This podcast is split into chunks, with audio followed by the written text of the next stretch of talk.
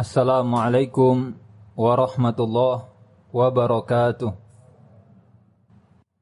Innal hamdalillah nahmaduhu wa nasta'inuhu wa nastaghfiruh wa na'udzu billahi min shururi anfusina wa min sayyiati a'malina may yahdihillahu fala mudilla lah wa may yudlil fala hadiyalah Ashhadu an la ilaha illallah wahdahu la syarika lah wa ashhadu anna Muhammadan abduhu wa rasuluh قال الله تعالى يا أيها الذين آمنوا اتقوا الله وقولوا قولا سديدا يصلح لكم أعمالكم ويغفر لكم ذنوبكم ومن يطع الله ورسوله فقد فاز فوزا عظيما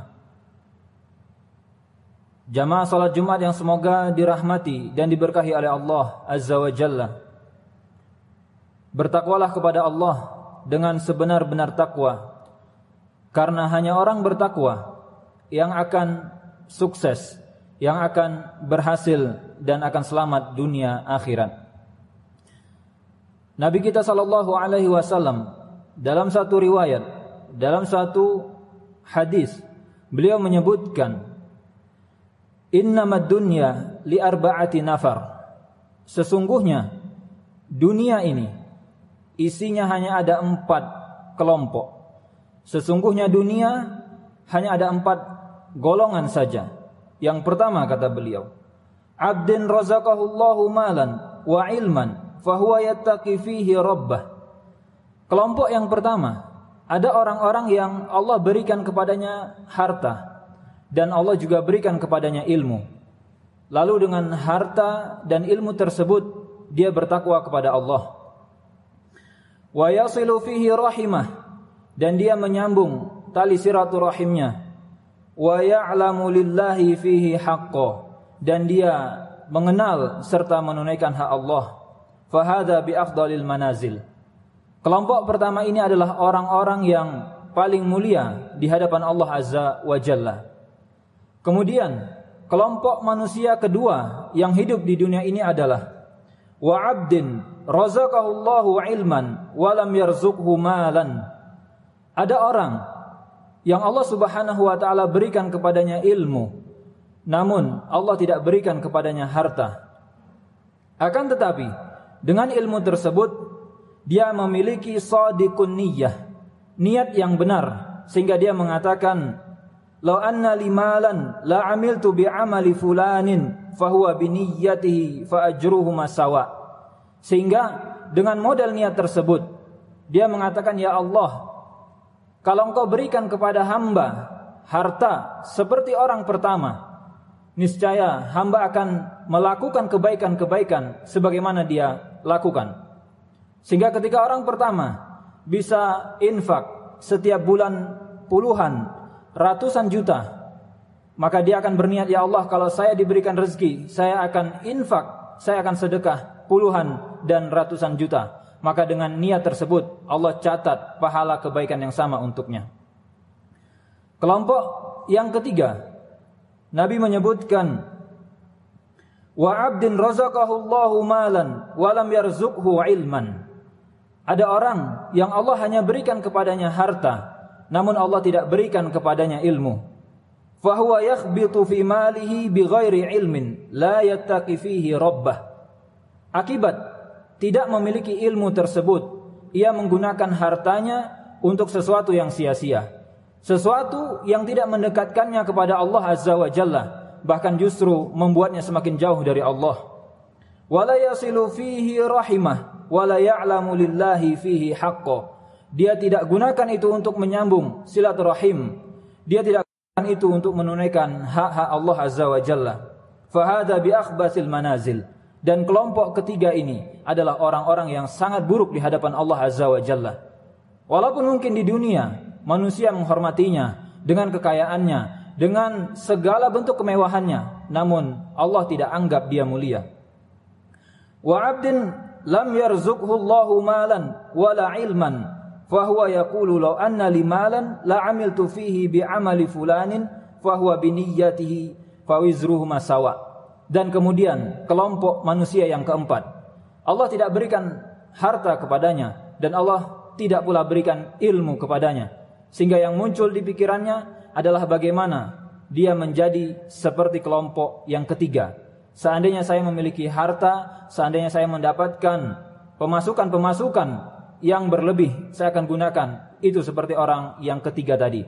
Dia akan gunakan untuk foya-foya. Dia akan gunakan untuk pamer. Dia akan gunakan itu untuk hal-hal yang membuatnya jauh dari Allah Azza wa Jalla. Jamaah salat Jumat yang dirahmati oleh Allah, ada tiga pelajaran yang kita bisa ambil dari hadis ini. Yang pertama, keutamaan ilmu dibandingkan harta. Seandainya kita hanya memiliki ilmu dan seandainya kita hanya memiliki harta, mana yang lebih utama? Nabi menjelaskan ilmu lebih utama dibandingkan harta.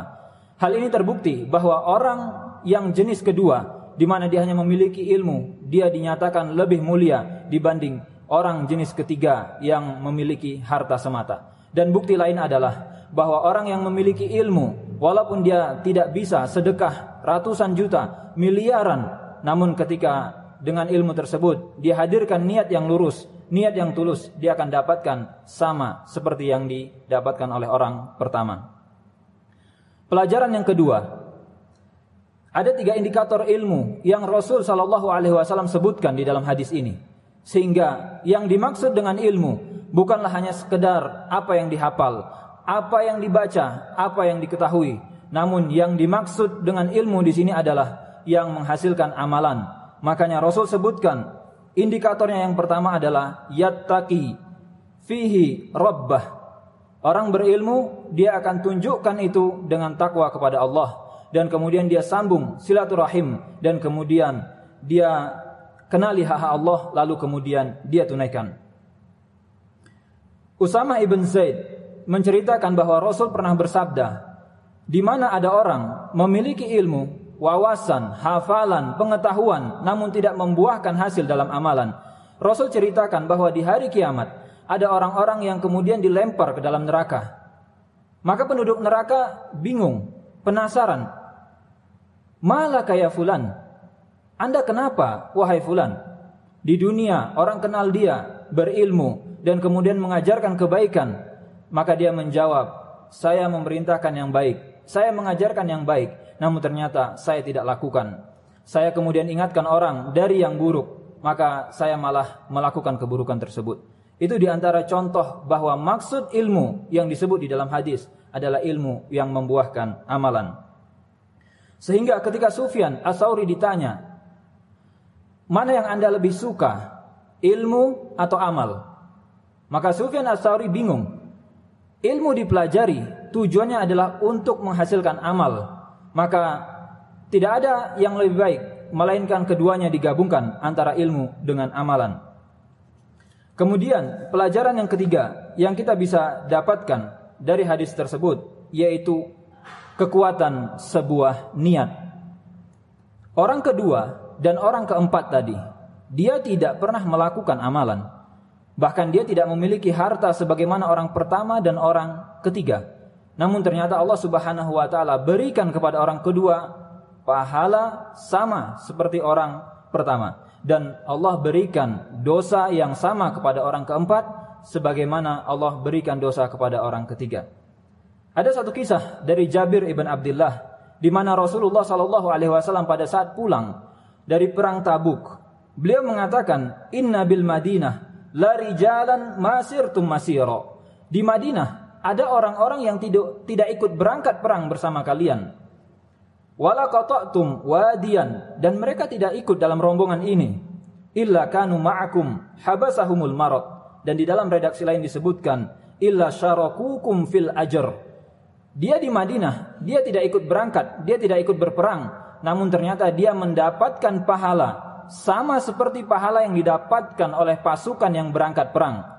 Mereka tidak capek mereka tidak keluar tenaga tidak keluar modal sama sekali namun pahalanya sama maka sebagaimana niat tersebut dapat membesarkan amalan-amalan yang kecil, niat juga dapat merusak amalan-amalan yang besar. Aku lu qauli hadza astaghfirullah li wa lakum wa li jami'il muslimina min kulli dzamb fastaghfiruh innahu huwal ghafurur rahim. Alhamdulillah wa kafa wa salatu ala habibinal mustafa amma ba'd. Jamaah salat Jumat yang dirahmati oleh Allah. Mari sekarang kita lihat diri kita masing-masing. Kita masuk dalam kelompok yang mana? dari empat kelompok yang disebutkan Nabi Shallallahu Alaihi Wasallam. Mungkin di lembaga, mungkin di masyarakat, gaji kita hanya UMK atau bahkan mungkin di bawah UMK, atau mungkin gaji kita di bawah 10 atau hanya satu digit. Ada orang-orang yang mendapatkan dua digit, tiga digit pemasukan per bulannya. Maka bagaimana semestinya sikap kita dalam menghadapi masalah finansial dan keuangan tersebut? Maka Nabi Wasallam sudah berikan solusi. Jika Allah tidak berikan harta kepada kita, maka jadilah orang yang kedua. Jangan menjadi orang yang keempat.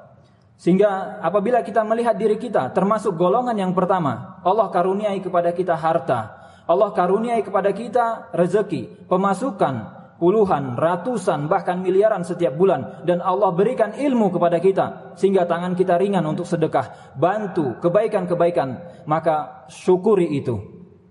Mustahil kita bisa lakukan kalau Allah tidak mengizinkan. Kemudian, kalau kita mendapati diri kita termasuk orang golongan kedua di mana mungkin pemasukan kita hanya satu digit atau mungkin di bawah UMK, maka jadikan hal tersebut memotivasi kita sebagaimana orang yang tidak ikut perang bisa mendapatkan pahala perang. Walaupun mungkin sekarang kita tidak bisa infak puluhan juta, ratusan juta, miliaran setiap bulan, tapi hadirkan niat yang tulus di dalam hati ya Allah. Kalau saya bisa, kalau saya punya uang segitu, saya akan infak. Saya akan sedekah sama seperti orang pertama, sama seperti orang yang punya harta tersebut. Dan itulah yang membuat kita iri kepada orang-orang kaya, yaitu mereka yang berilmu dan gunakan harta itu untuk mendekatkan kepada Allah. Namun Allah sudah kasih solusi, hadirkan niat yang baik di dalam hati.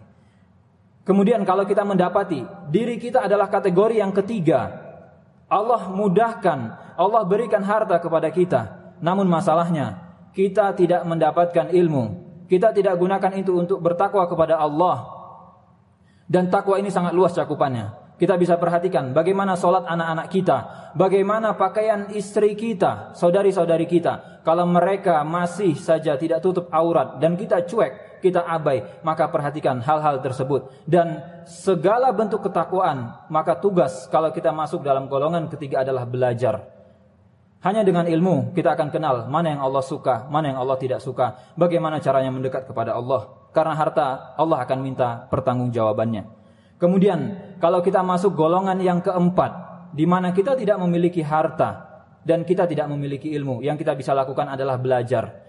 Jadikan diri kita sebagai orang yang kedua, di mana yang menjadi role model kita adalah orang golongan pertama, bukan orang yang punya harta namun dia tidak gunakan itu untuk taat, namun dia gunakan justru untuk pamer, justru hal-hal yang Allah Subhanahu wa taala tidak sukai.